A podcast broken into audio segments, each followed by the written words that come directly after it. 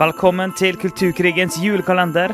Fra 1. til 24. desember så skal du få bli med oss på en daglig liten julevandring i kulturkrigens ord, uttrykk og konsepter.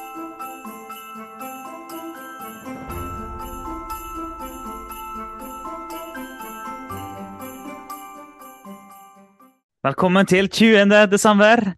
Nå er vi i gang, men vi skal kaste oss ut i enda et ord. Og i dag skal vi snakke om kansellering. Du kan, kan, kan, eh, tenke på kanselleringskultur og forskjellig, men eh, det er kansellering er det ordet som vi skal hoppe inn i nå. Og kanskje har du hørt noen som snakker om at eh, ja, er ikke det bare en myte, da? Er ikke det kansellering bare en myte? Eh, Det, det, det, det får meg til å tenke på at vi egentlig burde ha snakka om gaslighting òg, det har vi gjort tidligere, men det kunne nesten ha vært i kulturkrig i julekalenderen òg. Men Mm. uansett, eh, kansellering skal vi snakke om. Ja, eh, og som oftest så er det jo et uh, engelsk begrep som kanskje er aller mest kjent. Så cancel culture. Uh, det handler jo om at uh, noen sier eller gjør noe som ikke er politisk korrekt, som bryter ja, vi må kunne si noe så langt ut i vår podkast, noe som bryter med ideologien, rett og slett. Noe som er ulovlig ifølge denne her woke-ideologien. Eh, og hvis man gjør det, så bryter helvete løs ofte. Og så eh, blir det som oftest masse aktivister da, som tar kontakt med gjerne de man jobber for, og setter i gang et hurlumhei der man eh, i verste fall kan miste jobben, eller i alle fall miste oppdrag. ehm, eller eh, man blir eh, kastet ut av eh, sosiale medier, for eksempel. Og basically er det en måte å kneble folk på, som kommer med ukorrekte meninger. Og dette har vi sett masse, massevis eksempler på de siste ja, 10-15 årene. Ja, og det, det er jo hele tida eksempler på det. Vi ser det på nytt og på nytt og på nytt. Det har vært mange opp gjennom historien. Uh, opp gjennom historien, sier jeg. Altså, mener bare de siste årene. Det var det jeg egentlig mente å si. Eh, og nå eh, her i desember så var det jo da, da en eh, norsk modell som heter Sebastian Brevik. Som hadde masse følgere på TikTok, 70 000 eller noe sånt, og han var modell for Sean Paul. Og så laga han en video på TikTok hvor han sa det finnes bare to kjønn. Og da, vet du, da brøt helvete løs. Han sa bare han sa at det finnes to kjønn. Først ble videoen hans tatt ned fra TikTok, for den var jo hatefull. Deretter ble hele, hele kontoen hans suspendert, han ble utestengt. Og så kom Jean Paul på banen og sa at de eh, brøt samarbeidet med han. Ville ikke ha noe mer med han å gjøre, og de tok sterk avstand fra han og hans farlige holdninger. Eh, Det, så det er bare, bare søk opp Sebastian Brevik på Google, så vil du finne, her, eh, finne en sak på det. Så kan du lese sjøl. Men det er jo et sånn klassisk eksempel da, på hva som kan skje um, når en blir kansellert. Kansellert er jo sånn at du blir avlyst av ting etter at han blir avslutta, og du blir stengt ute, kanskje. Så han her, eh, modellen her han har uh, mista jobben og, eh, og ble vært utestengt. Og så Det kan få andre typer følger òg. Det eneste han har gjort, er å si det finnes stort kjønn, du kan ikke skifte. Det er det eneste han har sagt. Men det, da får det en sånn konsekvens. Og det er det vi ser igjen og igjen og igjen. Akkurat det der. Det er jo en ganske, det er jo en ganske drøy taktikk, da, som nå er blitt såpass veletablert at, eh, at det tar ikke lang tid før, eh, før noe skjer. Og det, det, det krever jo på en måte to parter, da. Tror kan eh, få snakke litt om disse to partene. Det ene er aktivistene. Eh, og gjerne deres eh, si, tilhengere og de som på en måte er enig med dem. Det er altså de som reagerer, som sier fra på forskjellige måter. Men så krever det òg en annen side, og det er de som sitter med makten da, til å kicke folk ut, eller å for eksempel oppheve kontrakten, sånn som Jean Paul gjorde. da. Det er altså de som øh, arbeidsgiverne, øh, og de som sitter på andre siden, de må jo òg bøye seg for dette. For det er ikke noe sånn at det er en selvfølge at om det kommer en reaksjonsstorm, så er det sånn at du må kansellere noen.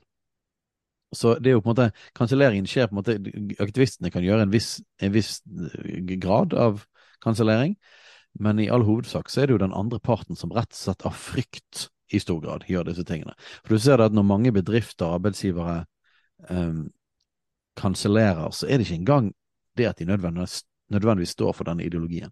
Men det har skapt et klima, da. Så hele kanselleringskulturen eh, skaper et klima som gjør det at, eh, at uh, mange instanser føler at de må gjøre noe. Et eksempel på det er jo for eksempel at det ikke engang blir en storm, men det bare blir nevnt, så er man så raske ut med å avlyse ting og slutte ting. Sånn for eksempel eh, hva, hva, var nå det hen? Var det, det var, var, det i fjor? Det var han her eh, Jeg skulle forberedt meg på dette, men han tull, tullemannen i NRK, han som alltid er på sportsarrangementene og sånn, han hadde et sånt eh, tulle-gameshow, japansk gameshow. Å ja, Nicolay Ramm. Nicolay Ramm, ja. Sant? For han er jo ute på alle VM og OL og alt mulig sånn. og har veldig morsomt å ha litt gøy og drøy, drøy, humor noen ganger. Han har gjort masse sprell gjennom tidene. Men i, med alle sprellene han har gjort, så var tydeligvis det som var over, gå over grensen, var det at han kledde seg ut som en japaner og eh, malte seg hvit i fjeset og imiterte et japansk gameshow. Eh, og da, hvis jeg husker rett, så kom det tre klager til NRK. Det kom én, tror jeg. Ja, var det én det kom? Ja.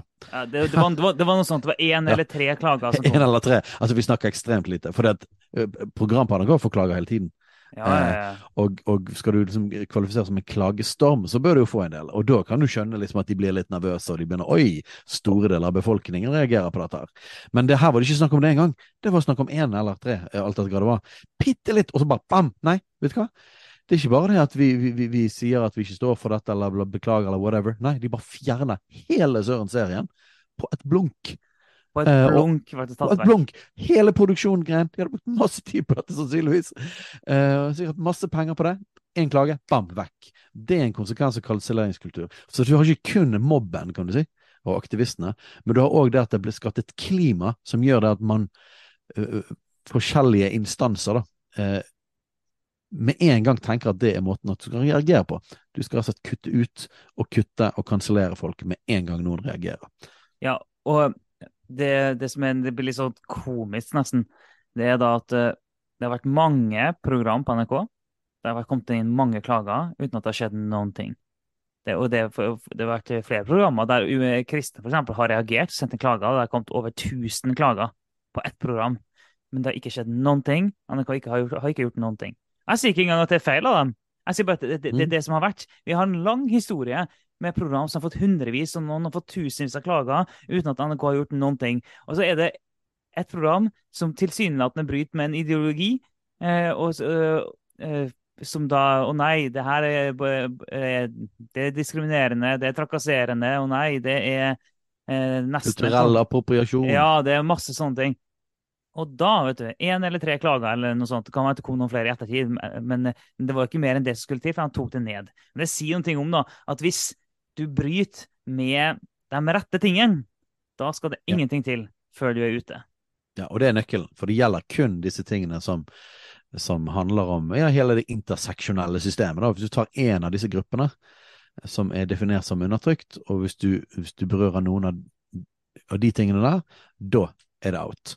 Ja. Uh, og dette er, det, dette er jo en, en bølge altså, som har skylt innover Vesten eh, de siste årene. Det er ekstremt mange eksempler. Fra det liksom komiske nivået til det ganske alvorlige nivået, som professorer som mister jobben sin, til folk som, som rett og slett lever i fare for sitt eget liv eh, av dødstrusler og sånne ting.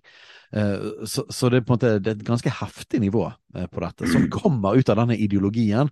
og Jeg skal ikke gå langt inn i det nå, men det kommer ut av denne repressive tolerance og liberating tolerance fra Marcuse og nymarxismen. Uh, en, en, måte å deale med politiske motstandere som er ganske aggressiv. Ja, vi må, ta, vi må, ta, litt av det. Vi rekker jo ikke mye. Men det er både det, en måte å gå etter politisk, politiske motstandere på, det er det ene. Men det, for å ta på en måte den ideologiske forklaringen på det òg, At uh, når det som vi har nevnt mange ganger, med postmodernismen, når ord eh, skaper virkeligheten, og du sjøl er den som skaper din identitet gjennom måten du snakker om deg sjøl, gjennom pronomen, gjennom ulike ting. ok? Så du skaper identiteten, eh, din egen identitet sånn som du vil ha den, og virkeligheten blir skapt gjennom ord og uttrykk og hvordan samtalen føres, og all sannhet er relativt, og all sannhet er subjektiv. Ok, Hvis det er sant, da blir det sånn at når noen da er uenig med deg, eller noen går imot deg, eller noen sier en ting som du føler er vanskelig og, og fælt, ja, da er det farlig for at det angriper din identitet. Hvis det angriper din identitet, da angriper det deg, og da er det derfor er ord vold. Derfor kan ord drepe, og derfor må det være sånn at hvis noen sier noen ting som går på din identitet, som du føler er vanskelig, da må de stoppes, de må fjernes fordi de er farlige, og de kan føre til at folk tar selvmord osv. osv. osv. Det er veldig veldig farlig. Derfor må de fjernes øyeblikkelig hvis noen har tatt eh, Hvis noen har eh, gått for langt, da, kan du si. Og, eh, så det er, sånn, det er en sånn tanke om at det er så utrolig farlig. Det er livsfarlig. Så det må bort med en gang. Så det er både det du snakker om med repressive tolerance, og måten en tenker om politiske motstandere på, og det er en sånn eh, tanke om at det er så utrolig farlig, så det må bort med en gang. Da, det, det, er det som ligger til grunn. da. Derfor blir ting kansellert på et øyeblikk. Og det er litt komisk òg, for det er jo en sånn toleranse som er totalt misforstått. Vi har nevnt det før i podkasten òg. Men sånn toleranse mm. handler jo om at du tåler noe du ikke liker. Og jeg har nevnt det gjentatte ganger, som jeg synes er den beste definisjonen på toleranse jeg har hørt, fra Einar Øverenge, at toleranse handler om at uh, det er noen ting du ikke liker, og du har makt til å stoppe det, men du velger å la være. Hvis du gjør det, da er du tolerant. Så med andre ord, et veldig tolerant menneske avskyr veldig mye. Er veldig mye det, ikke, det mennesket ikke liker, men det velger likevel å ikke stoppe det, selv om det har makt til å stoppe det. Da er du veldig tolerant. Mens det her er helt, helt motsatt. Her er det ting du ikke liker, og du har makt til å stoppe det, og du stopper det. Dermed er du intolerant. Ja, så kansellering og kanselleringskultur er egentlig en logisk konsekvens av denne her ideologiske miksen. Ja. Um, og, og, det er derfor det kommer. Uh, og, og, flere ting å si om dette fra liksom et kristent perspektiv. Én uh, ting jeg vil si først, er at la oss ikke hive oss på mm. Kanselleringskulturen bare fra vår side.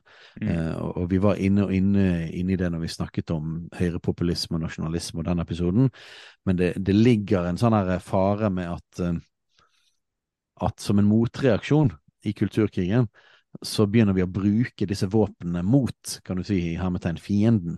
Eh, men vi vil si det at selve våpenet i seg sjøl er høyst problematiske. Eh, og de kommer fra en måte å tenke på som vi ikke har lyst til å omfavne. Så vi tror ikke på kansellering. Vi vil ikke kansellere folk. Eh, og det bryter med ytringsfriheten og det liberale demokrati. Jeg syns at det skal være stort rom for meningsmangfold, og til og med av folk som har det jeg vil kalle en avskyelig ideologi syns jeg faktisk skal få lov til å eh, mene det de mener, og så skal vi heller gå imot det, da. Eh, og diskutere og tale imot disse forskjellige tankene og ideologiene. Eh, det tror jeg er måten å gå fram på, istedenfor knebling. Ja, og vi, vi kristne vi, vi, går ikke etter mennesker på den måten. Det, det, når vi skal møte det her, så er det sånn vi går ikke etter mennesker på den måten. Vi elsker mennesker, vi skal elske våre fiender, vi skal velsigne dem. Vi, vi, elsker, vi velsigner, vi er vennlige, og vi møter mennesker, og vi jobber med at hjertet skal forandres først og fremst. Eh, så, vi, så at folk har meninger, holdninger osv. som vi ikke liker, det aksepterer vi. Sånn er det. Og jo, vi kan utfordre ting, og det, og det finnes ting som ikke er greit å si òg, men det, en, det, blir en egen diskusjon. Men, men, men vi, vi lar folk ytre seg, vi lar dem holde på, og vi møter dem på en god måte. Vi elsker dem, utfordrer der det trengs å utfordres fra et kristent perspektiv. Men vi går aldri med på en form for kansellering. For, for å gå med på det, så er du nødt til å akseptere et helt, helt svært tankegods som bryter fundamentalt med Guds ord, om hvordan vi tenker om oss sjøl, hvordan vi tenker om virkeligheten. Og for oss kristne så er det ikke sånn at fordi noen er uenig med oss, så er han farlig. Det er ikke sånn at fordi noen sier noe stygt om oss, så har de skada oss. Nei, det er ikke det.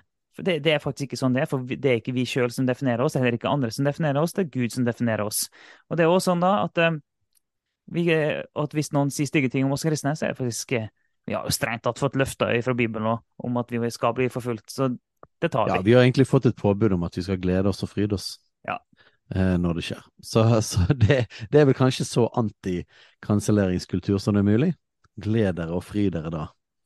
For på samme måte forfulgte de profetene foran dere, osv. Så, så kan lese om dette i Bergpreken. Jesus sier hvordan han responderer.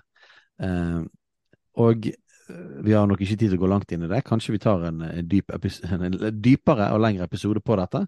Men, men bare berør et annet element av kanselleringskulturen, og det er at eh, noen ganger så er det jo det at noen har gjort noe òg som ikke er bra. Eh, så det er ikke bare de har ytret på en måte en mening, men de har for eksempel, som Atle Antonsen for noen uker siden, eh, sa noe som var helt klart rasistisk og nedverdigende. Eh, Riktignok i fylla, jeg har lyst til å ha en egen episode på det. Fylla har skylda for veldig mye. Vi bør ta vekk tabuet av å snakke om hvor mye drit som kommer ut av det, den, den, alkoholkulturen, men det er, det er noe så. Men, men det er òg et viktig spørsmål inni her. er hvor, hvor, hvordan skal man reagere når noen faktisk gjør noe som faktisk er avskyelig, og faktisk er dumt òg? Eh, er det nødvendigvis sånn at de skal kanselleres pga. det? Nå er han vekke fra Kongen befaler, programmet. Eh, er det den rette måten å respondere på? Eller hva finnes det nåde for, og finnes nåde, er det et element her? Og hva er måte, og hva er de mest alvorlige syndene, da? Hvorfor er akkurat det den avgjørende synden som du skal straffes for? Eh, jeg har ja, masse, vi har masse tanker om det fra et kristent perspektiv, men det skal vi gå inn i en, en lengre episode heller seinere. Ja, vi rekker ikke mer i dag. Vår tid er ute. Heng med igjen i morgen.